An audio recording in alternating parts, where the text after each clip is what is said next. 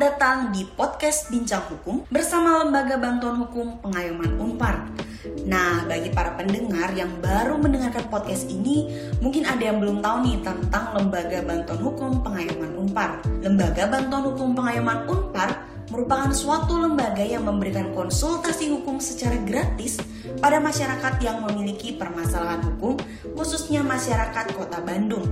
Selain itu, kami juga memiliki beberapa kegiatan rutin, yaitu penyuluhan hukum, pelatihan hukum, siaran radio, podcast, konseling hukum, serta rapat kerja tahunan.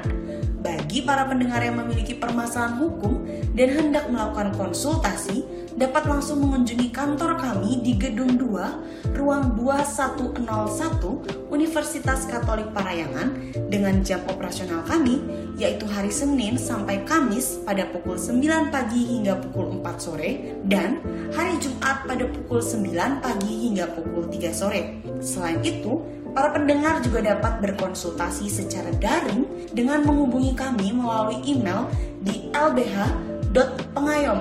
lbh.pengayoman@unpar.ac.id atau melalui media sosial kami untuk Instagram di @lbhpengayoman, Twitter di @lbh_pengayoman, dan Facebook di LBH Pengayoman.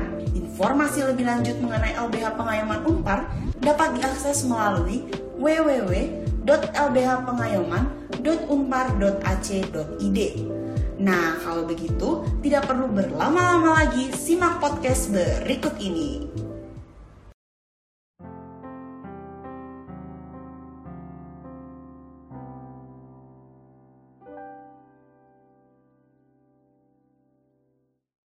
Halo para pendengar, kembali lagi di podcast Bincang Hukum bersama Lembaga Bantuan Hukum Pengayoman Unpar. Perkenalkan, aku Adam, salah satu anggota LBH Pengayoman Unpar.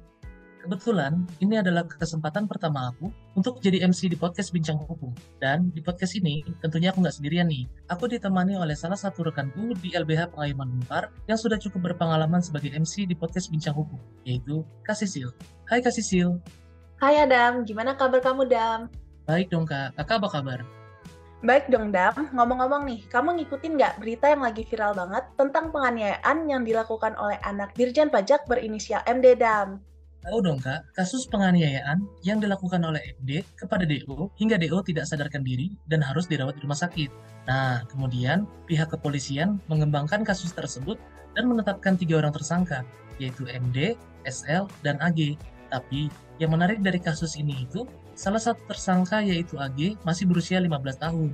Nah, iya tuh, kalau aku scroll-scroll sosial media aku nih ya, kayak di Instagram dan Twitter, banyak banget nih netizen yang menekankan kalau jangan mentang-mentang AG masih di bawah umur nih, dia bisa bebas gitu aja dari sanksi pidana. Wah, tapi kak, kalau AG sampai terkena sanksi pidana, maka artinya ada kemungkinan nih kalau ia dapat dijatuhi pidana penjara ya. Bener banget Dam, tapi daripada kita diskusi berdua aja nih, mendingan kita undang salah satu relawan LBH Pengayoman Unpar yang sudah melakukan riset mendalam terkait topik kita kali ini, yaitu Gisel. Halo Gisel. Halo Kak Sisil, halo Adam. Halo Sel. Nah, Sel, tadi kan aku sama Kak Sisil sudah bahas terkait tindak pidana yang dilakukan oleh anak. Tapi sebelum lebih lanjut, aku mau nanya nih, sebenarnya apa sih yang menjadi urgensi dari topik podcast kita kali ini? Oke Dam, sebelumnya aku mau kasih tahu dulu nih, kalau dari tahun ke tahun, jumlah tindak pidana yang dilakukan oleh anak selalu mengalami peningkatan pada tahun 2019, polisi mencatatkan terdapat kurang lebih 111.000 anak sebagai pelaku tindak pidana.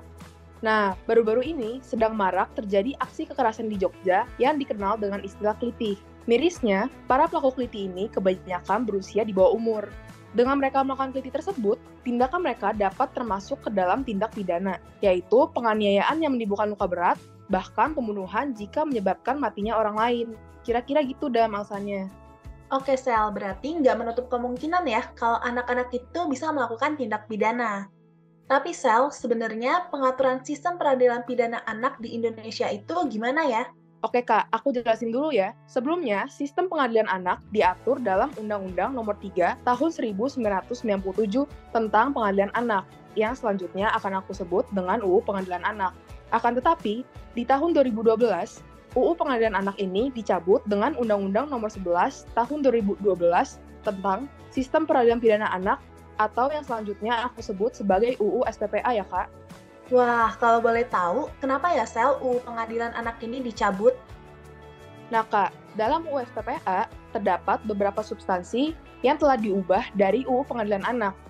Sebagai contoh, dalam UU SPPA terdapat perubahan tentang pengaturan penempatan anak yang dijatuhi pidana penjara ditempatkan dalam lembaga pembinaan khusus anak yang sebelumnya dalam UU Pengadilan Anak ditempatkan di Lembaga Pemasyarakatan Anak. Selain itu, hal yang paling fundamental dalam perubahan UU Pengadilan Anak adalah semangat pemerintah untuk mengubah tujuan pemindahan anak yang semula pembalasan menjadi keadilan restoratif dan diversi. Tapi, untuk pembahasan lebih lanjut mengenai keadilan restoratif dan diversi akan dibahas nanti ya. Nah, berarti bisa disimpulkan ya bahwa sekarang pengaturan sistem peradilan pidana anak di Indonesia diatur di dalam UU SPPA. Selain itu, tadi kan kita udah singgung kasus terkait anak yang melakukan tindak pidana. Akan tetapi, perlu diketahui bahwa tidak semua anak yang dibawa ke proses peradilan adalah anak yang melakukan tindak pidana. Ada juga anak yang baru diduga melakukan tindak pidana. Tapi, kita belum bahas nih sebenarnya, anak yang diduga melakukan tindak pidana itu siapa? Mungkin aku jelasin dulu ya bahwa anak yang diduga melakukan tindak pidana dalam UU SPPA disebut sebagai anak yang berkonflik dengan hukum. Selanjutnya, menurut pasal 1 angka 3 UU SPPA, anak yang berkonflik dengan hukum adalah anak yang telah berusia 12 tahun dan belum berusia 18 tahun serta diduga melakukan tindak pidana. Oh, aku jadi paham nih, Sel. Jadi, anak yang diduga melakukan tindak pidana itu dalam UU SPPA disebut dengan istilah anak yang berkonflik dengan hukum, di mana anak tersebut berusia mulai dari 12 tahun hingga sebelum berusia 18 tahun. Nah, kalau kita kaitkan ke kasus yang sudah kita sebutkan di awal, aku mau nanya nih, jenis-jenis pidana apa aja sih yang bisa diberikan kepada anak sel? Oke, Dam. Sebelum aku jawab, aku mau nanya dulu ke kamu sama Kak Sisil. Dari kalian, kira-kira ada yang tahu nggak nih jenis-jenis pidana yang bisa diberikan kepada anak itu ada apa aja? Wah, pengetahuan aku, Sel, jenis-jenis pidana yang bisa diberikan kepada anak itu bisa pidana penjara ya? Dan kalau nggak salah, pembinaan juga bisa. Bener banget, Kak. Tapi aku bantu lengkapin ya. Dalam USPPA, jenis pidana yang dapat dijatuhkan pada anak itu berbeda, Kak.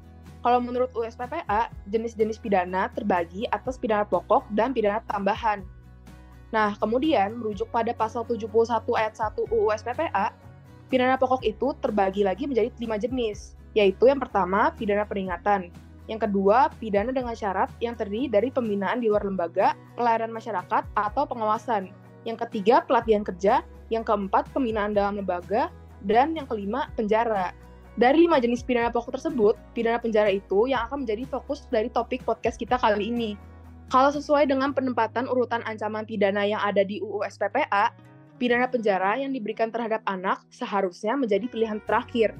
Hal ini juga ditegaskan dalam pasal 3 huruf G Jungto pasal 81 ayat 5 UU SPPA yang menyatakan bahwa pidana penjara bagi anak hanya digunakan sebagai upaya terakhir. Oke, Sel, berarti jelas ya bahwa jenis-jenis pidana yang dapat diterapkan kepada anak itu ada pidana pokok dan pidana tambahan. Nah, dalam pidana pokok itu salah satunya ada pidana penjara. Tapi ya, Sel, dari penjelasan kamu barusan, aku jadi mau nanya lagi nih. Tadi kan udah dijelasin ya bahwa anak yang berkonflik dengan hukum itu anak yang berusia 12 tahun hingga anak yang belum berusia 18 tahun. Nah, apakah semua anak yang berusia mulai dari 12 tahun hingga belum berusia 18 tahun itu bisa diberikan sanksi pidana ya, Sel? Untuk menjawab pertanyaan Kak Sisil, aku bakal merujuk pada pasal 69 UU SPPA yang menyatakan bahwa anak yang belum berusia 14 tahun hanya dapat dikenai tindakan. Jadi, tidak semua anak yang berkonflik dengan hukum itu bisa diberikan sanksi pidana. Wah, kalau begitu, Sel, tindakan yang dapat dikenai untuk anak yang belum berusia 14 tahun itu terdiri dari apa aja ya, Sel? Tindakan yang dapat dikenai untuk anak yang belum berusia 14 tahun itu ada macam-macam, Kak. Dalam pasal 81 ayat 1 USPPA dijelaskan bahwa tindakan yang dapat dikenakan pada anak adalah pengembalian kepada orang tua atau wali, penyerahan kepada seseorang, perawatan di rumah sakit jiwa, perawatan di lembaga penyelenggaraan kesejahteraan sosial, kewajiban mengikuti pendidikan formal dan atau pelatihan yang diadakan oleh pemerintah atau badan swasta, pencabutan surat izin mengemudi, dan atau perbaikan akibat tindak pidana. Tetapi, Patut diketahui ya bahwa tindakan yang sudah aku sebutin tadi tidak hanya dapat dijatuhi pada anak yang berkonflik dengan hukum di bawah usia 14 tahun, melainkan dapat dikenakan pada anak yang berusia di atas 14 tahun juga. Oh, aku jadi paham nih, Sel. Kalau anak yang bisa diberikan sanksi pidana itu hanya jika ia sudah berusia 14 tahun ya. Sedangkan anak yang masih berusia 12 hingga sebelum 14 tahun hanya bisa diberikan tindakan. Nah, aku jadi pengen nanya lagi nih jadi, apakah sebenarnya sistem peradilan pidana anak di Indonesia itu selalu mengutamakan penjatuhan sanksi pidana ya, Sel?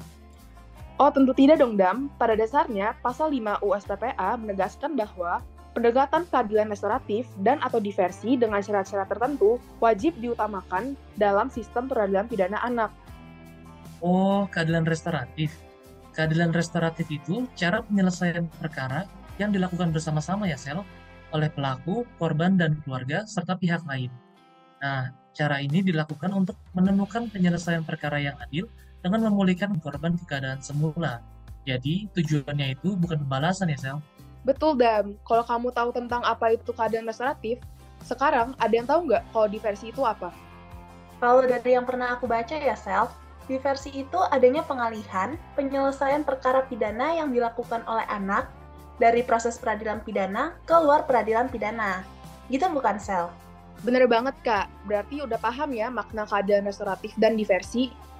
Tapi, untuk penerapan diversi itu harus memenuhi dua syarat yang ada di dalam pasal 7 ayat 2 UU SPPA, yaitu tindak pidana yang dilakukan diancam dengan pidana penjara di bawah 7 tahun, dan tindak pidana tersebut bukan merupakan suatu pengulangan. Oke, aku jadi paham nih bahwa pendekatan sistem peradilan pidana anak di Indonesia itu terdiri dari keadilan restoratif dan diversi ya. Di mana untuk diversi itu ada dua syarat yang harus dipenuhi. Nah Sel, aku ada pertanyaan lanjutan nih. Tadi kan udah kamu sebut ya, bahwa bagi anak itu bisa diterapkan pidana penjara, sesuai dengan ketentuan pasal 71 ayat 1 UU SPPA. Tapi Sel, sebenarnya untuk pidana penjara anak itu punya ciri tersendiri nggak sih yang membedakannya dengan pidana penjara dewasa? Atau sama aja gitu sama pidana penjara dewasa? Tentu ada bedanya dong, Kak. Untuk perbedaan pidana penjara anak dengan pidana penjara dewasa itu ada di penempatan narapidananya. Seperti yang diketahui masyarakat umum, jika terdapat narapidana dewasa, maka narapidana dewasa tersebut akan ditempatkan pada lembaga pemasyarakatan dewasa atau yang biasa lebih dikenal dengan sebutan lapas dewasa. Sedangkan untuk narapidana anak, mereka akan ditempatkan dalam lembaga pembinaan khusus anak yang selanjutnya akan aku sebut sebagai LPKA ya kak. Nah Sel, seperti yang kamu udah jelasin barusan, kalau anak yang dipidana penjara itu akan ditempatkan di LPKA. Tapi, apakah dalam praktiknya ada narapidana anak yang ditempatkan di luar LPKA ya Sel? Jawabannya ada Dam karena praktik yang ada di Indonesia belum terlaksanakan dengan baik. Kenapa? Karena kalau melihat pada faktanya, masih banyak narapidana anak yang dipatkan di lapas dewasa. Pernyataan itu sesuai dengan data dari sistem database pemasyarakatan yang menyatakan bahwa pada tahun 2020, dari 1.322 narapidana anak, hanya 801 anak yang dibina di LPKA. Selebihnya ditempatkan bersama dengan narapidana dewasa. Nah, hal ini melanggar beberapa ketentuan peraturan perundang-undangan di Indonesia, antara lain pasal 3 huruf B UU SPPA, kemudian pasal 64 huruf B Undang-Undang Nomor 35 Tahun 2014 tentang perubahan atas Undang-Undang Nomor 23 Tahun 2002 tentang perlindungan anak, dan yang terakhir pasal 47 ayat 1 Undang-Undang Nomor 22 Tahun 2022 tentang pemasyarakatan yang pada intinya dari ketiga peraturan tersebut mengatakan selama proses peradilan pidana hingga penempatan narapidana anak harus dipisah dari narapidana dewasa. Oh iya Sel, berarti dengan praktik yang menyatukan narapidana anak dengan narapidana dewasa pada satu tempat yang sama itu akan melanggar peraturan perundang-undangan ya. Selain itu, hal itu juga pasti akan berdampak bagi anak itu sendiri ya Sel? Iya Dam, aku jelasin dari aspek psikologis dan fisiknya ya. Penempatan anak yang dijatuhi pidana penjara bersama dengan narapidana dewasa membuka kemungkinan bagi anak untuk berinteraksi dengan narapidana dewasa sekalipun telah terdapat pemisahan blok bagi narapidana anak dan narapidana dewasa. Dalam proses interaksi tersebut, anak berpotensi mempelajari suatu tindak pidana dari narapidana dewasa. Selain itu, narapidana anak juga rentan mendapatkan kekerasan, baik secara fisik maupun seksual dari narapidana dewasa.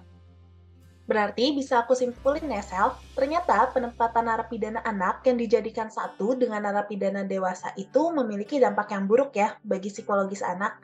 Serta tidak menutup kemungkinan nih, bahwa mereka juga mengalami kekerasan baik secara fisik maupun seksual. Selain itu, anak juga jadi bisa mempelajari cara-cara baru dalam melakukan tindak pidana dari para narapidana dewasa. Nah, itu kan dampak kalau narapidana anak dan narapidana dewasa dijadikan dalam satu tempat yang sama ya, Sel. Tapi gimana kalau narapidana anak itu ditempatkan di LPKA? Apakah akan ada dampak negatifnya juga atau enggak ya, Sel? Dari yang aku baca ya, dalam penelitian yang dilakukan oleh Sutatik, beliau menyimpulkan bahwa LPKA mendorong anak mengalami depresi mental dan terisolasi dari lingkungan asalnya. Hal itu didorong karena fasilitas dan suasana yang ada di LPKA sangat tidak memadai bagi perkembangan anak. Selain itu, penjara anak justru akan berpotensi menciptakan kelompok kenakan remaja, sebab kemungkinan besar mereka akan menganggap bahwa dirinya sudah mendapatkan label atau cap penjahat dari masyarakat. Wah, berarti ini ada kaitannya ya, Sel, sama teori labeling, di mana dalam teori labeling dijelaskan bahwa label yang diterapkan kepada seseorang, khususnya yang bersifat negatif, akan mempengaruhi perilaku orang tersebut bahkan memunculkan perilaku yang menyimpang. Bener banget, Kak. Teori labeling tersebut mendukung pernyataan bahwa pidana penjara bagi anak di Indonesia tidak memberikan efektivitas yang sesuai dengan tujuan penerapan pidana penjara. Tujuan dari pidana penjara sendiri adalah membuat pelanggar hukum menjadi bertobat dan terdidik agar menjadi seorang warga negara Indonesia yang berguna. Akan tetapi sebaliknya, Pidana penjara bagi anak dapat merusak masa depan anak karena masyarakat akan cenderung menolak keberadaan dari mantan narapidana anak, sehingga mantan narapidana anak akan terasingkan dari masyarakat. Padahal anak merupakan generasi penerus bangsa dan pembangunan yang seharusnya keberadaan anak sangat perlu diperhatikan.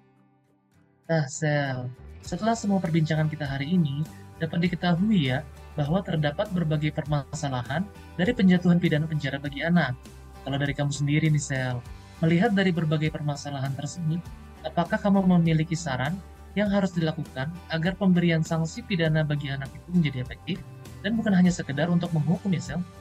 Menurut aku, sebaiknya penjatuhan dan penerapan pidana penjara terhadap anak diminimalisir sebagaimana diamanatkan dalam pasal 5 UU SPPA. Apabila memang seorang anak yang berkonflik dengan hukum perlu dijatuhi pidana penjara, penerapan pidana penjara anak di APKA perlu diefektifkan. Hal tersebut dapat dilakukan dengan melakukan pemerataan dan penambahan lokasi APKA di Indonesia serta pendidikan yang memadai bagi anggota dari APKA itu sendiri. Wah, berarti pemerintah ada tugas baru ya untuk mengefektifkan pidana penjara anak di LPKA. Nah, Sel, kalau dari kamu sendiri nih, Kira-kira ada nggak ya alternatif yang bisa diterapkan pemerintah untuk meminimalisir penjatuhan pidana penjara terhadap anak ini? Kalau dari aku, penting banget untuk melaksanakan diversi. Karena ya kak, menurut aku, pelaksanaan diversi memiliki tujuan agar anak dapat terhindar dari dampak negatif yang timbul akibat sistem peradilan pidana bagi anak. Jadi menurut aku, upaya diversi harus lebih dimaksimalin untuk menangani anak yang berkonflik dengan hukum. Hal ini karena prinsip utama dari diversi adalah tindakan persuasif dan pendekatan non-hukum pidana yang memberikan kesempatan kepada anak untuk memperbaiki kesalahan. Selain itu, seperti yang sudah disinggung oleh Adam tadi, pelaksanaan diversi juga melibatkan korban, pelaku, keluarga, dan pihak lainnya untuk bersama-sama mengatasi masalah dengan mencari solusi yang dapat merekonsiliasi atau memperbaiki hubungan antara korban dengan pelaku serta keluarganya. Yang gak kalah penting, tujuan pelaksanaan diversi adalah untuk pemulihan ke keadaan semula bagi korban dengan pelaku dan bukan pembalasan. Lebih lanjut, aspek penting yang diperlukan dalam pelaksanaan diversi adalah adanya pengakuan atau pernyataan bersalah dari pelaku dan kesediaan para pihak untuk melakukan diversi. Oleh karena itu, dengan pelaksanaan diversi diharapkan agar asas kepentingan terbaik bagi anak dapat tercapai. Dengan begitu, pidana penjara dapat diminimalisir, Kak. Oke, Sel. Pembahasan topik kita kali ini komprehensif banget ya. Tapi nggak terasa nih, diskusi kita kali ini sudah harus berakhir. Untuk mengakhiri podcast kita kali ini, aku mau berterima kasih kepada Gisel yang sudah menjadi narasumber kita di podcast kali ini. Thank you, Sel. Selain itu, aku juga mau berterima kasih sama Adam yang udah menemani aku dalam diskusi podcast ini. Terakhir, terima kasih ya buat para pendengar yang sudah setia mendengarkan podcast Bincang Hukum. Semoga diskusi episode ini bermanfaat ya bagi para pendengar. Nantikan terus podcast Bincang Hukum episode selanjutnya. Sampai jumpa semuanya.